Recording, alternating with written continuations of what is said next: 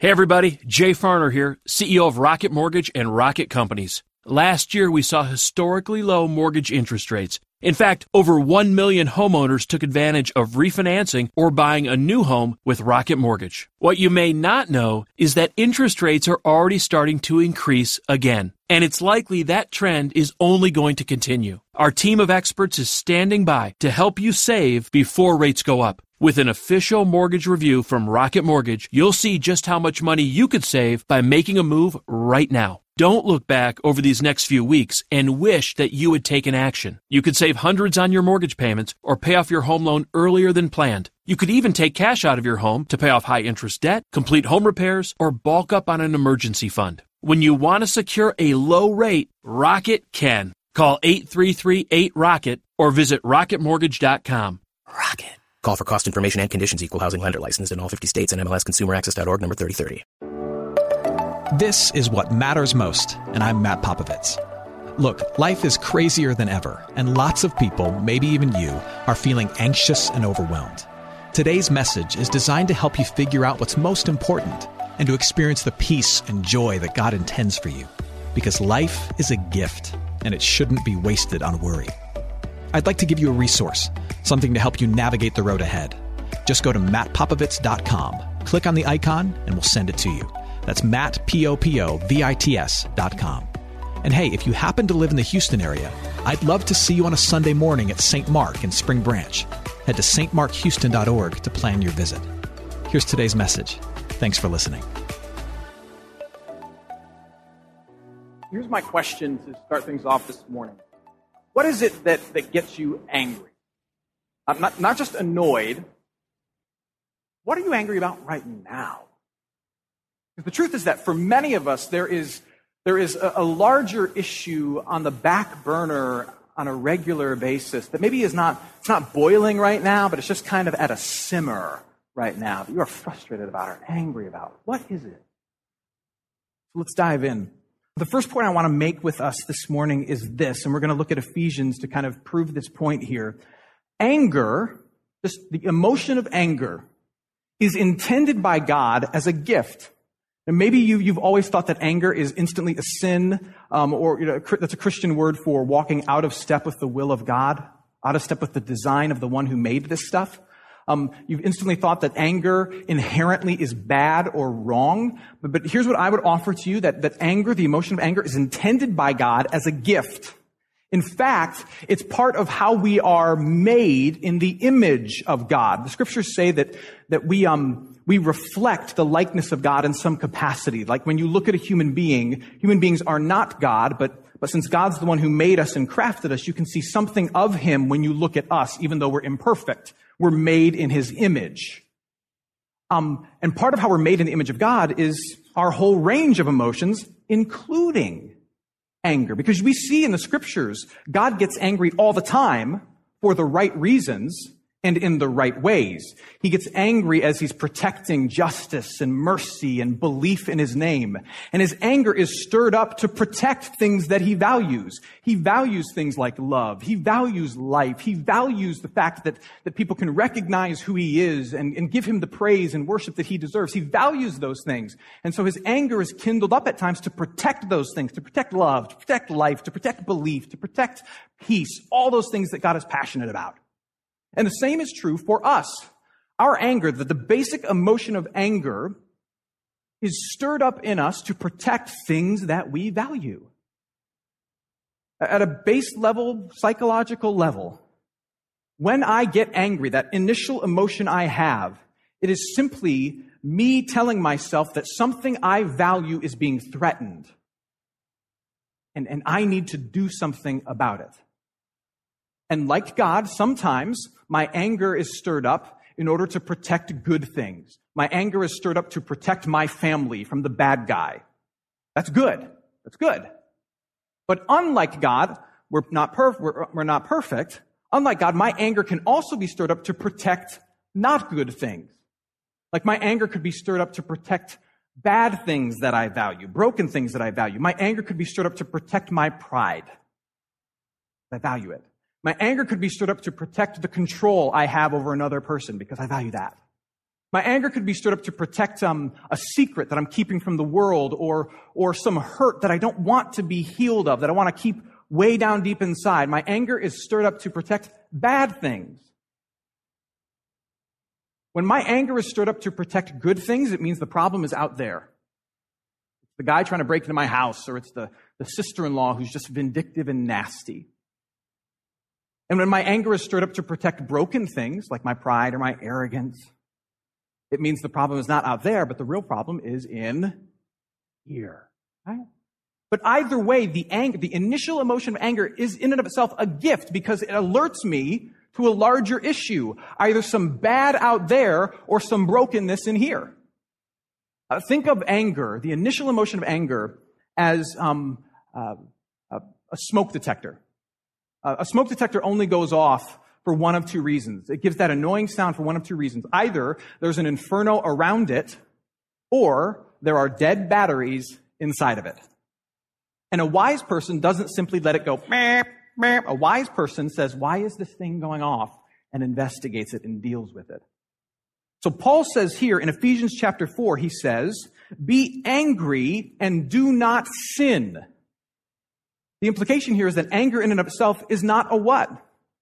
It's not a sin. In fact, there's a way to be angry righteously. And the way to be righteously angry, the way to not sin, not walk out of step with who God has saved you to be, is by first asking this question the emotion stirs up, I ask the question, why? Is, is, is, it, is it a fire out there? Or, or is, it, is it brokenness in here? Is, is it something bad out there and I'm, and I'm, and, I, and I'm angry because I need to protect good things? Or, or is it part of my, my kind of dead batteries in here and I'm trying to protect wrong things, unholy things? The first way in which we avoid sin in our anger is to ask that question. Which is why the scriptures, the scriptures are constantly calling us when that sin first emerges, calling us to immediate action. For example, if you continue on in Ephesians chapter 4, Paul says this, and these are words that are very familiar to many of us. It says, Do not let the sun go down on your anger and give no opportunity to the devil. Those are great words. Um, a little bit of context. In the Hebrew or Jewish first century worldview, um, one day ended at sundown, and the other day began at sundown. And this is simply a, um, a memorable way of Paul saying, don't hold on to that instinct, that instant emotion of anger too long. Don't carry it too far into the future. Deal with it right away. Deal with it immediately. Deal with it in the right ways. Because remember, it's simply a smoke detector alerting you to larger issues. So start the investigation right away. Don't just let it go off in your heart and in your mind unaccounted for. Deal with it right away. And let me give you the answer for how we deal with the alarm of anger in a righteous way. It's very, very simple. First, we ask the question, why? Why am I so ticked off? And if it turns out, as I investigate, as I press into that, that I am angry because I want to protect good things, like there's real danger out there and I need to like stand up and deal with it, then what I do is I start to lovingly confront it. Like if there is a toxic person in my life who's threatening the well-being of me or my family or my friends, and that is stirring up anger in me, I'm trying to protect a good thing, the well-being of myself and my family and my friends, then what I do is I listen to the alarm and I lovingly confront the issue. Lovingly confront the issue. If you're all love, the issue is going to remain. If you're all confrontation, you're going to get punched in the face. You got to lovingly confront. Or on the flip side, if I ask the question, why? Why am I angry? Why am I angry? And I discover that, that really it's part of the brokenness in me that I'm angry because I'm trying to protect bad stuff, wrong stuff, backward stuff, then if I'm a follower of Jesus Christ, which many of us in this room are, what I do is I start a process of faith-filled repentance, which is simply a church word for turning from the brokenness. And so here's how, what this looks like. I discovered that the reason I'm so angry at my friend is because I love being the most important person in their life. I love the control I have over them. And I'm angry because they've got new friends and I'm now not the coolest person that they know. So my anger is not rightly aimed at them. It, it needs to be aimed at me. And so what I do is I say, Father, I'm, Father, I need the grace and mercy of Jesus Christ because I want to be God in their life. I feel like I should be the number one person in their life, and that is, that's wrong. That's backward. That's weird. Forgive me. That's what the process looks like. We ask the question, and if the bad is really out there, we lovingly confront it. If the brokenness is in here, if it's the batteries, we, we repent. We cling to the mercy found in Christ. It's, it's really that, it's not easy, but it's simple. You know what I mean? And we do it quickly. Because remember, anger, Paul says, don't hang on to it. Anger is like fruit. Fresh fruit is a really good thing, but it's got a really short shelf life. The alarm of anger is a good thing, but it's got a short shelf life. You let it sit on your counter too long and quickly flies start to gather, decomposition sets in, pretty soon your apartment starts to smell like feet. And anger, whether it's anger for good reasons or anger for bad reasons, the same way. Let it sit too long. And Paul says you're giving an opportunity to evil to fester and take that alarm, which is a gift, and turn into something backward and bad and nasty, which is what often happens with us.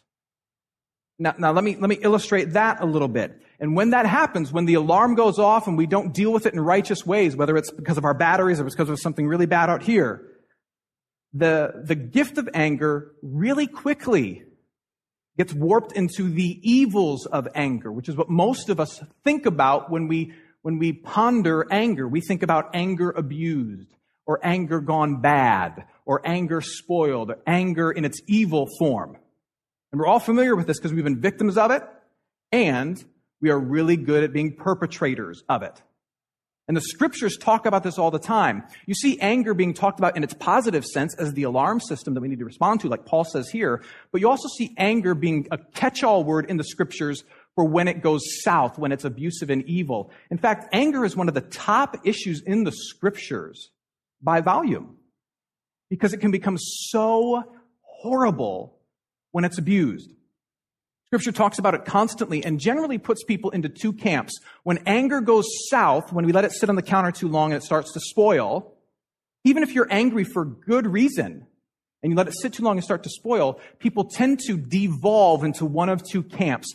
Either they become people of bitterness and malice, or we become people of wrath and fury. And then there are those savants of anger who can be both bitter and malice filled and wrath filled and furious.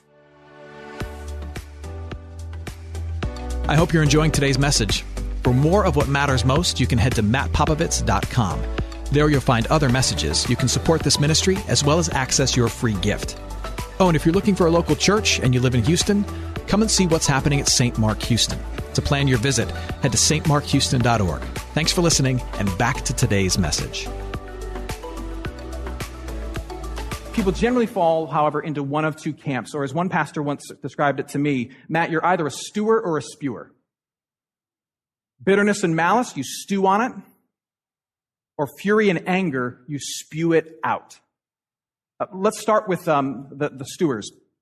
Um, if you're one of these people, the, the, the, the really weird part of this is that the world may never know that you're angry because you have this, this ability to take that alarm and rather than deal with it in righteous ways, just kind of stuff it down inside and you're really, really good at hiding it. And the truth is that, that if you're a steward, if you're one person who, who just becomes bitter and malice filled, you would make a really great accountant or archaeologist. You'd make a good accountant because the truth is you're really good at keeping long lists of everything that's ever been done. And you'd be a great archaeologist because you're really good at digging up old crap and looking at it, right? That's what would make you an archaeologist. And rather than deal with anger rightly, you stew in it, you keep it locked in, and you think that you're punishing other people somehow by doing that. But in reality, the only person you're hurting is yourself because as you do that, uh, the scriptures talk about this over and over. Your heart becomes hard and your mind becomes mean but you're stewing on it.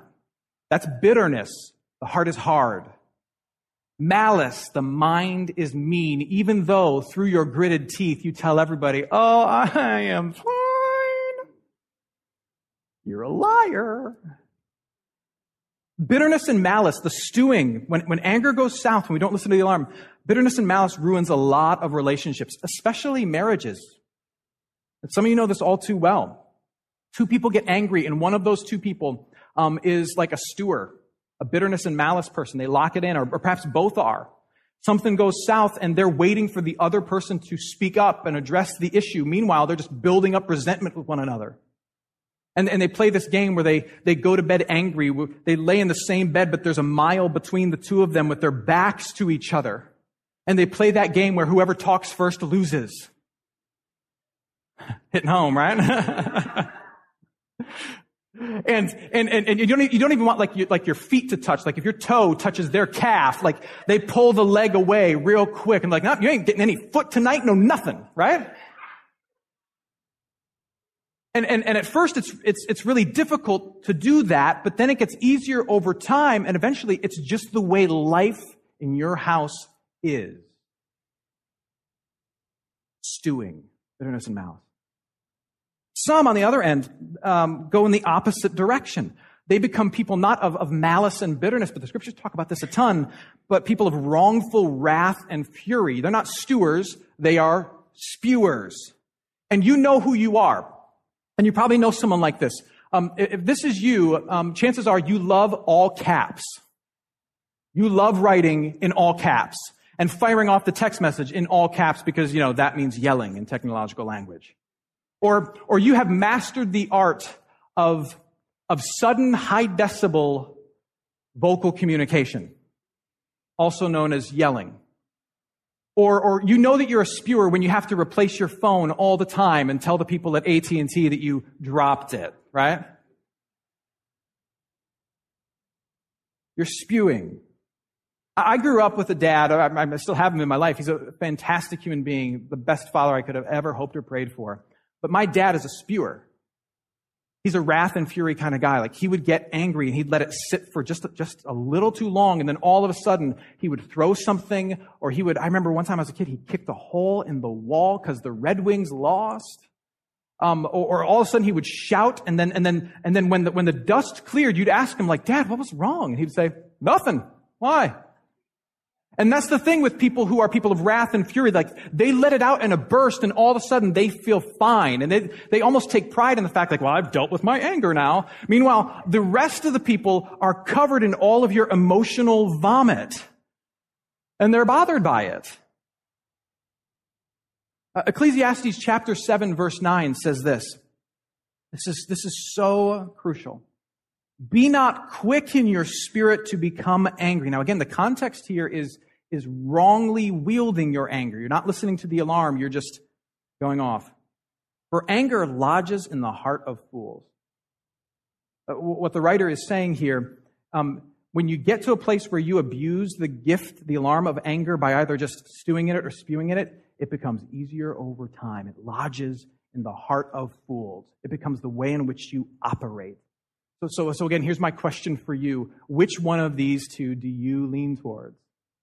I'll, I'll let you into my brokenness. I learned a lot from my dad. So, so when I'm not like listening to the alarm and using it rightly, that like that's the direction I go. Like I'm a wrath and fury kind of guy.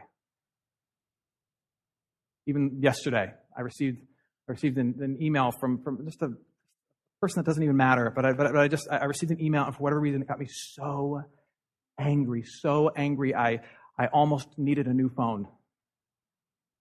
And so instead, what I had to do is like I had to text a handful of people in my life, and I'm just like, look, something just something just got me mad, and I need you to pray for me. Like, pray for me, pray for me.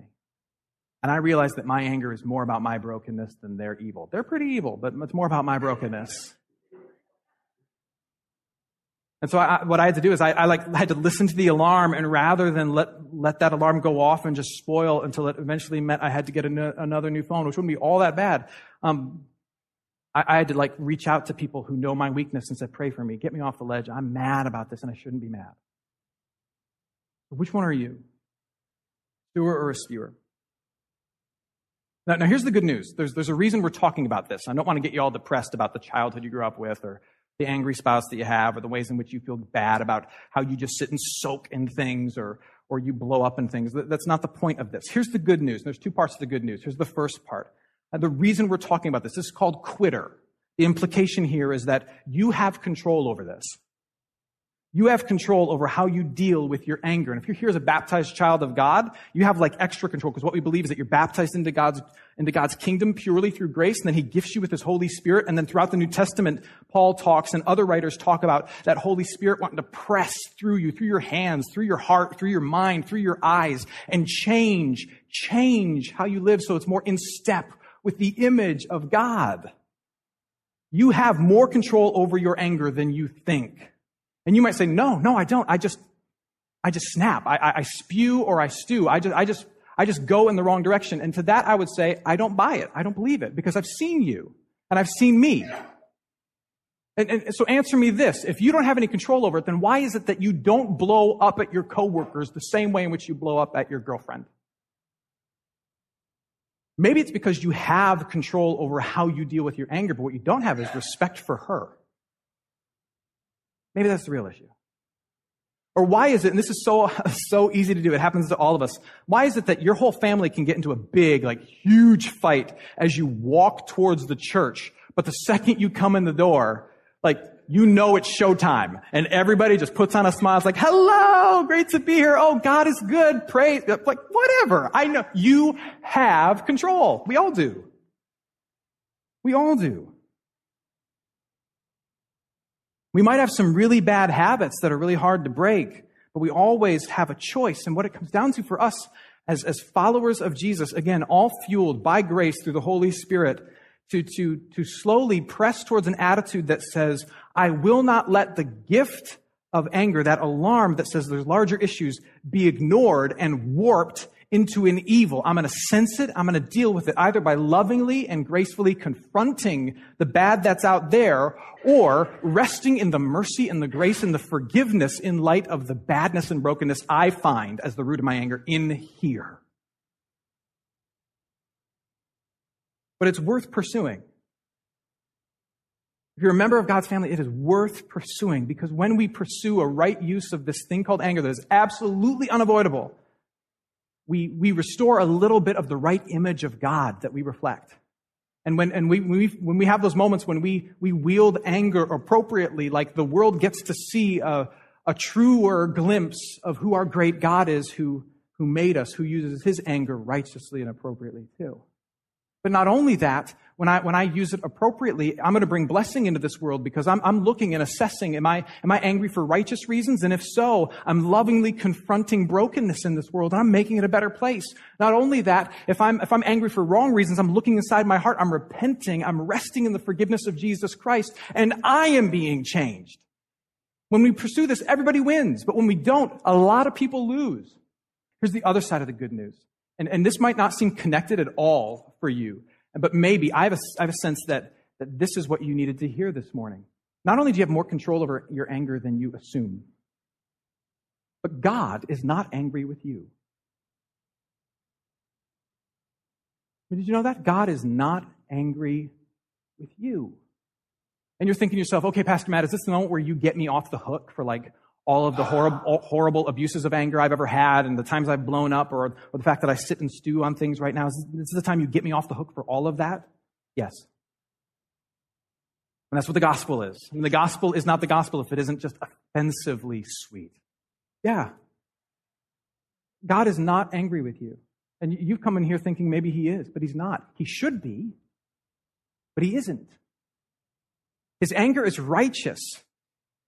And he will protect justice for all of our rebellion against his beauty and his holiness. But out of compassion for you, he chose to crush Christ instead of you. He shifted his righteous anger to the innocent Jesus. And in doing so, through the death of Christ, he protected justice, he punished wrong, but he also salvaged you and me who would not have been able to stand underneath the weight of his rightful anger. When the alarm goes off, it's a good thing. And how we respond to it makes all the difference in the world. All the difference in the world. In our anger, do not sin. We ask the question, why? And we either lovingly confront it because the brokenness is out here, Or we fall into the grace and mercy of Jesus Christ because we realize that the brokenness, the anger, is something wrong that we're trying to protect in here. We have more control by the grace of God over our use of anger than we like to admit. And we also have far more love from the Father than we often realize. Hey, it's Matt. I hope you enjoyed what matters most. Here's what I need you to know life is a gift, and it shouldn't be wasted on worry. I want to help you figure out what's most important and to experience the peace and joy that God intends for you. So, for more content, you can head to mattpopovits.com. That's Matt, P O P O V I T S.com. There, you can also support this ministry as well as access your free resource, a little something to help you navigate the road ahead. I'd also love to see you on a Sunday morning. If you're in the Houston area, head to stmarkhouston.org to plan your visit. In the meantime, hit me up on Instagram at mpopovits or at facebook.com slash Matt Popovits Ministries. Thanks for listening. Now go and hold tight to what matters most.